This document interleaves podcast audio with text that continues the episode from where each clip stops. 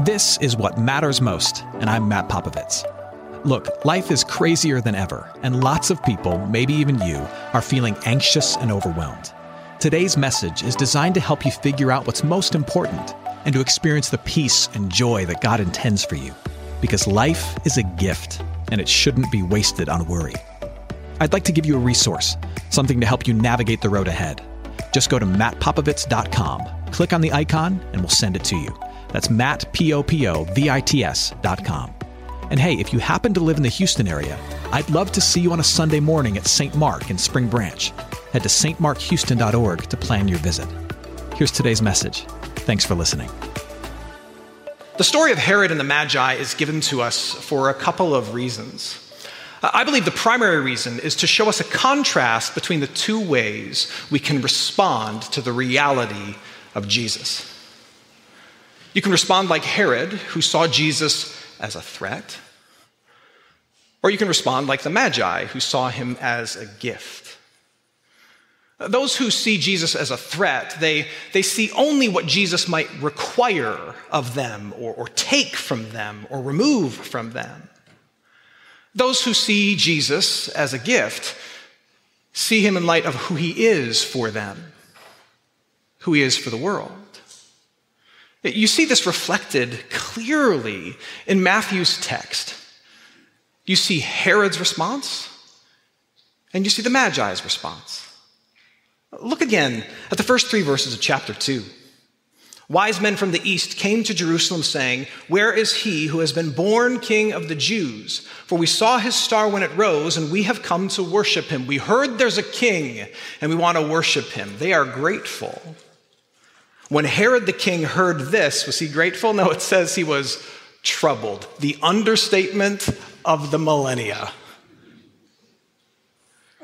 If Jesus is who he claimed to be, who the angels in the sky declared him to be, who the prophets foretold him to be, then indeed there are really only two ways to respond to him.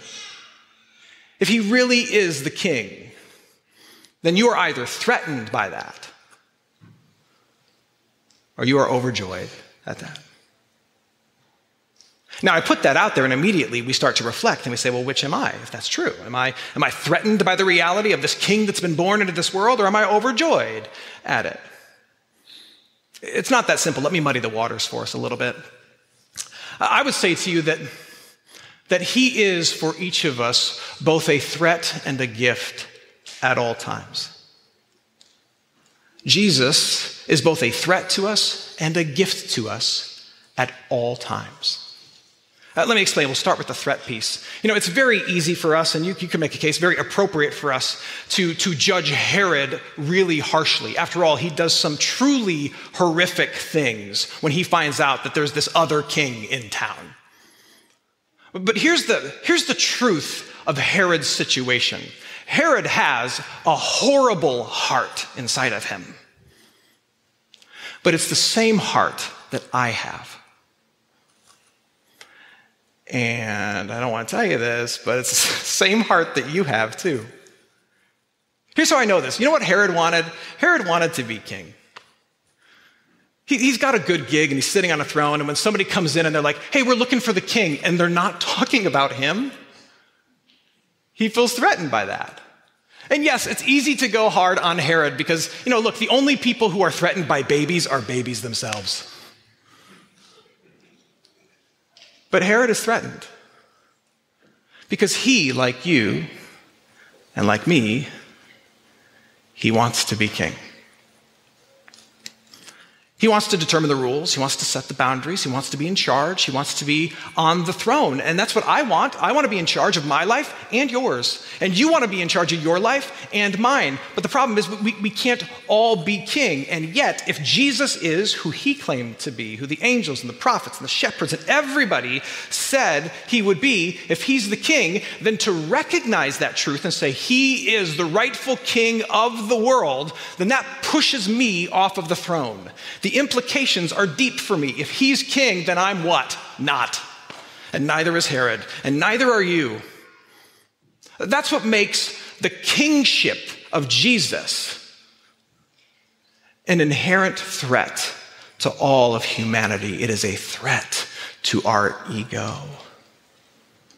I would go so far as to say that if, you're, if you're here this morning and you, you don't yet consider yourself a follower of Jesus, despite perhaps growing up going to church like this and, and hearing the stories, having the truth of Jesus being proclaimed to you or shouted at you or told to you, if you don't yet believe, I would say that it comes down to, despite all the other reasons you have, what it comes down to this is that wrestling for authority over your own life. Because in the end, if Jesus is who he said he is, it has implications over who sits on the throne. It means that there's a God and you're not it, which means you're subjugated to him. And who finds that to be a fun idea, at least initially? Nobody. If Jesus is king, then he's a threat to all of us because we all want that job. Now, on the flip side, Jesus is also at all times a gift to us. He's at all times a gift to every single one of us. Uh, whether you love him or not, know him or not, believe in him or not, worship him or not, he's still a gift given to you. And the reason he's a gift is because of the kind of king that he is. You see, if Jesus had showed up and he was a king like Herod was king, or Henry VIII was king, or even Elvis was king, uh, it would be a blue Christmas for us all. That's an Elvis joke, it's a deep cut. You'll get it later. But what kind of king is he? Well, Jesus himself tells us the kind of king that he is over and over again. Jump with me now to the Gospel of Mark, Gospel of Mark, chapter 10. This is Jesus talking about himself. He does this thing every once in a while where he talks about himself in the third person. When you're king of the world, you can do that, and it's not weird. He talks about himself as the Son of Man, which means that he is the, the servant of man, even as he is the Savior of man. He says, The Son of Man came not to be served, but to serve, and to give his life as a ransom for many. So here's what kind of king he is he's a king who bends low and loves the people who are at the ground floor. He's a serving king who gives his life, who gives his whole being, his whole person to love you and to love me.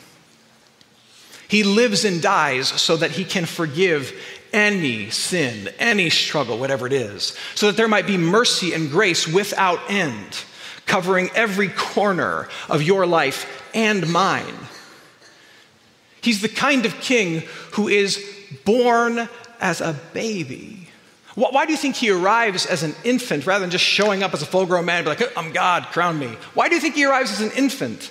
It's to show who he came for. He came for the weak. He came for the lowly. He came for those who shiver in the cold of the night. He came for those who would have been born in the back alleys of Bethlehem with no place to lay their head. He came for those who are weak, who are low, who know that when it comes down to it, they've got nothing in their hands to offer a holy God. They are empty handed, empty hearted, broken, and burdened. If you are that person, if you've ever felt like the outsider, if you've ever felt weak, if you've ever felt low, if you've you've ever felt shame, then Jesus is your king. And if you think to yourself, well, I've never felt low, I've never felt shame, just give it a minute. Jesus is the kind of king who comes and he gives his whole life for you and for me, and he loves us and he serves us. That's the kind of king that he is. He's a gift to us. Now, you could make the case then that, that if this is true, then, then the whole life of faith is essentially about coming to terms with the fact that, that my heart has Herodian impulses. I, I want to remain on the throne, and I, and I turn away from that each and every day towards the truth that I am not my own, that Jesus is my king. Uh, the whole of the Christian life is about turning away from the desire to be my own king and bowing my knee to the one who has laid down his life for me. That's the whole journey. Each and every day I get up and I say, I want to be king. I'm not king. Jesus is my king. And then I walk through my life acting like I'm king of the world. Sometimes it happens. Ask my family. And then I get profoundly convicted and I realize I'm not the king. I'm not the king. Jesus Christ, with his mercy and grace, is my king. It's that over and over and over again. That, that's the whole thing. It's about a perpetual journey from the heart of Herod to the heart of the Magi. From my Herod heart to my Magi heart. That's the journey of faith. Now, I say that, and, and, and you and I, we jump to this, this place where we start to assess ourselves. Well, I wonder how I'm doing with that. I wonder, I wonder which view of Jesus is winning out for me today. Do I see him primarily as a threat to me today, or do I see him as a, uh, do I see him as the gift to me today? Well, I, I, would offer to you that the way to assess kind of how you're doing in this journey of, of turning away from your Herodian impulses and turning toward this view of the Magi that sees Jesus as this gift for you and for this world is to look at what you're doing with your heart and with your hands. Again, this is where I think the story is really instructive for us. Herod saw Jesus primarily, if only, as a threat to himself. And so as a result, he did some truly horrific things. But, but on the whole, what you could say is what he did is because he saw Jesus as a threat to himself, he, he tightened his grip on the world around him. He increased his grip on, on the power that he had, on the position that he had. He leveraged his influence to hurt and harm other people because he felt threatened by the presence of another. He did everything he could to tighten his grip on the world around him because somebody else was a threat to him. Now, contrast that with the Magi. The Magi see Jesus as a king who is a gift to them and to the whole world. And what do they do? They seek him out, they journey towards him. And then famously, what do they do? They, they open their hands and they worship him and they give gifts to him gold, frankincense, and a PS5. That's what they give him. That's what every kid wants, even baby Jesus. They seek him out, they open their hearts, they worship him, they give gifts to him. So the one who sees him as a threat is trying to hold on tight to things of this world. And the ones who see him as a gift, they open up their hands in generosity and joy. They open up their hearts in worship and gratitude. And it makes sense, right? Like, like if you feel threatened by by somebody else's lordship and influence over your life, of course you're going to double down on the things of this world and you're going to hold on more tightly to whatever power you have, to whatever resources you have. You're going to leverage whatever position you have to maintain your spot in this world. To hold on to the fact that you're right in that relationship, or you're the boss, at work, or you have more resources than your brother, or you've got a better standing than your neighbor. You're going to hold on tight to those things as a way of securing yourself in a world that's threatening you. But on the other side, if you believe that you've received the greatest thing in the world, then you'll be able to let go of the things of the world. If you believe that you've received the greatest thing, that you are known by Him, loved by Him, accepted by Him, that mercy and grace covers over every dark spot of your existence, and that you will live in eternity with Him, like nothing that happens in this world, even death, can shake you from His grace. Like that's in your hands, it's in your heart, it's your possession. And if that's true, then that's the greatest gift in the world. And if you believe that you have to overflow the greatest gift in the world, then you are free to release your grip on all the other gifts of this world. To open your heart and your hands with with generosity and sacrifice and love. You're free to forgive the person who wronged you. You're free to give to your neighbor in need. You see how that works? Hey, friends, it's Matt. If you're listening to us in Houston and you're looking for an excellent education in a Christian setting for your student, I'm inviting you to take a tour of St. Mark Lutheran School in Spring Branch. We serve infants through eighth grade with an excellent faculty, brand new facilities, and a faith forward curriculum. To schedule your tour, head to gostmark.org. That's G O S T M A R K dot org to schedule your tour today. St. Mark Lutheran School. It's excellent education for your son, your daughter, your little one. Now, back to today's message.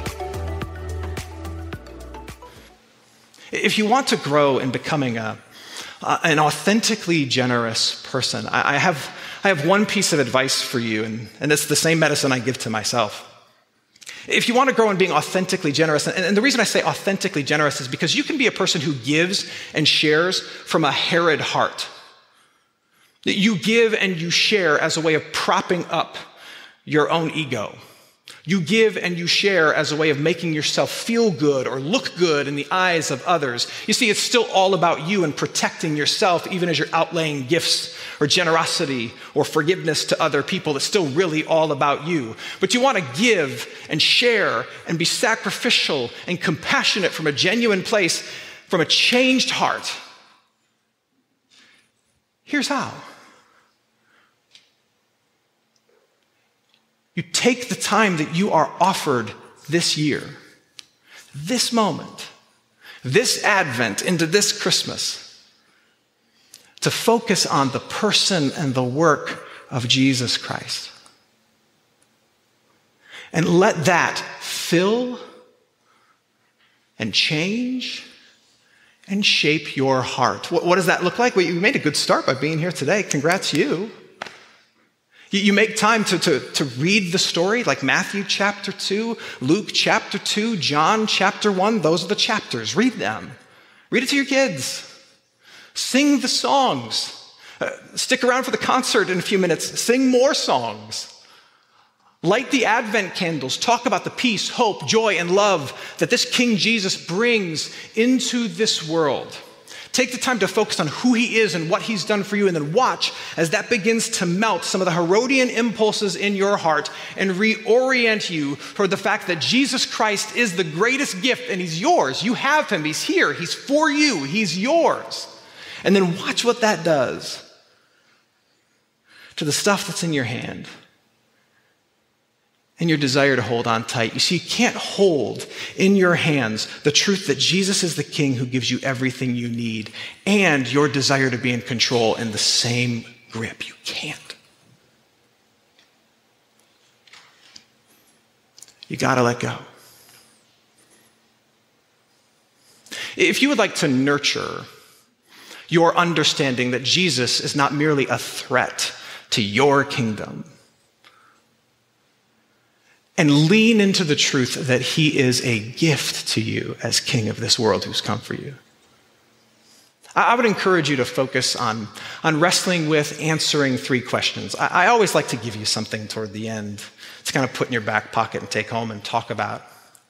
And so this week, I would say that if you want to focus on the gift that Jesus is for you and for your family, wrestle with these three questions. You know, we're in the closing moments of Advent, headed towards Christmas Eve. My hope is that as you have dinner throughout this week, or as you sit down with the family throughout this week, you're having some meaningful, like Christ focused conversations, even just a little bit. Take these questions and fold them in. Maybe talk about this. The first question is this What floors you about the fact that Jesus Christ has taken on flesh? For you.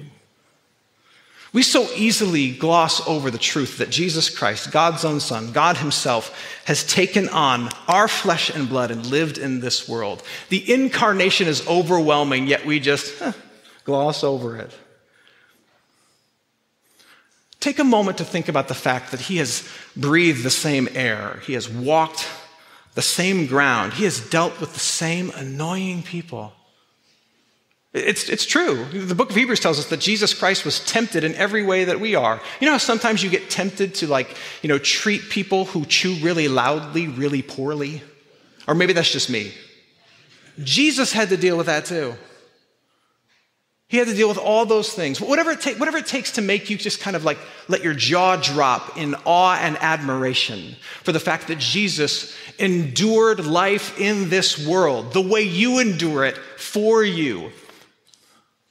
Maybe it's the fact that he breathed our air, he walked our streets, or he dealt with the same people. What is it for you? Dwell on it for a moment. Second question to wrestle with is this What ongoing struggle makes you most grateful for God's unending mercy that's yours in Jesus Christ? And we're getting deeper now. If you want to have a deep conversation with someone that you love, if you want to go deep in your faith and in your life with them, talk about this openly and honestly. What ongoing struggle makes you deeply grateful for the unending mercy that is yours in Jesus Christ? I know how it works. Though I'm the pastor, I'm, the same person as you. There are things that I confess each week, and then I come back the next week, I'm like, ha, same list. and then I come back two weeks later, it's been a little better. And then the week after that, oh, I've got new things to add, right? There is unending mercy for your ongoing struggles. What's your ongoing struggle for which you are grateful for that unending mercy? And then lastly, think about the future. What aspect of life in the new world, guaranteed for us in Jesus Christ, are you most excited for? What Christians believe is that this, this baby who, who arrived once in weakness. This Jesus will, will arrive again in power.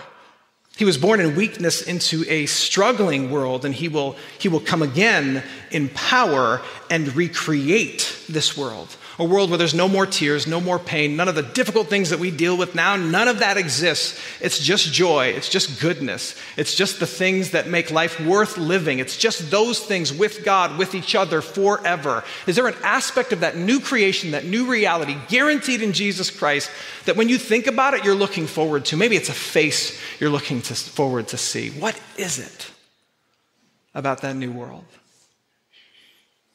Wrestle with those things. Talk about those things. And see if that doesn't stir up your gratitude for this King Jesus. We're so tempted to see him as a threat to us about the fact that he's Lord over our lives and all the things that we, that means we can't do. No. What are all the things he's done for you? And he's guaranteed to you, and he's promised to you. Let that well up some gratitude in you. Matthew must have thought that the, the story of Herod and the Magi was of utmost importance. He must have thought that because if you read through the Gospels, he dedicates more time in his Gospel to that encounter than any other aspect of the birth of Jesus. In Matthew's Gospel, there's no mention of the manger, there's no mention of the shepherds, but he wants us to understand the Magi and Herod. I think the reason that is, is because that part of the story is the part of the story that humanity can most relate to itself. That's us in the story. The promise of a Savior is this distant reality, like a twinkling star in the sky, and then all of a sudden, He appears. And everyone has to figure out how they feel about Him. All of a sudden, he appears, and some, some will feel threatened by him, and they will tighten their grip on their world and say, No, there's no king but me. And others will journey toward him, and they will seek him, and they will open their hearts and their hands, and, and they will give gifts to him because they will see that he is a gift to me. Which one of those impulses will win out for you? If you want to make this a Christmas of another kind, be more of a magi. Believe that he's a good gift and a good king. King nonetheless, but a good one. Seek him. Open your heart to him. Open your hands to Him. And let generosity and compassion, mercy and grace flow through you to the rest of the world. Because you've already received the greatest gift in the world. Let's pray. Hey, it's Matt. I hope you enjoyed what matters most. Here's what I need you to know life is a gift, and it shouldn't be wasted on worry. I want to help you figure out what's most important and to experience the peace and joy that God intends for you. So, for more content, you can head to mattpopovits.com. That's Matt, P O P O V I T S.com. There you can also support this ministry, as well as access your free resource, a little something to help you navigate the road ahead. I'd also love to see you on a Sunday morning. If you're in the Houston area, head to stmarkhouston.org to plan your visit. In the meantime, hit me up on Instagram at mpopovits or at facebook.com slash Matt Popovits Ministries. Thanks for listening. Now go and hold tight to what matters most.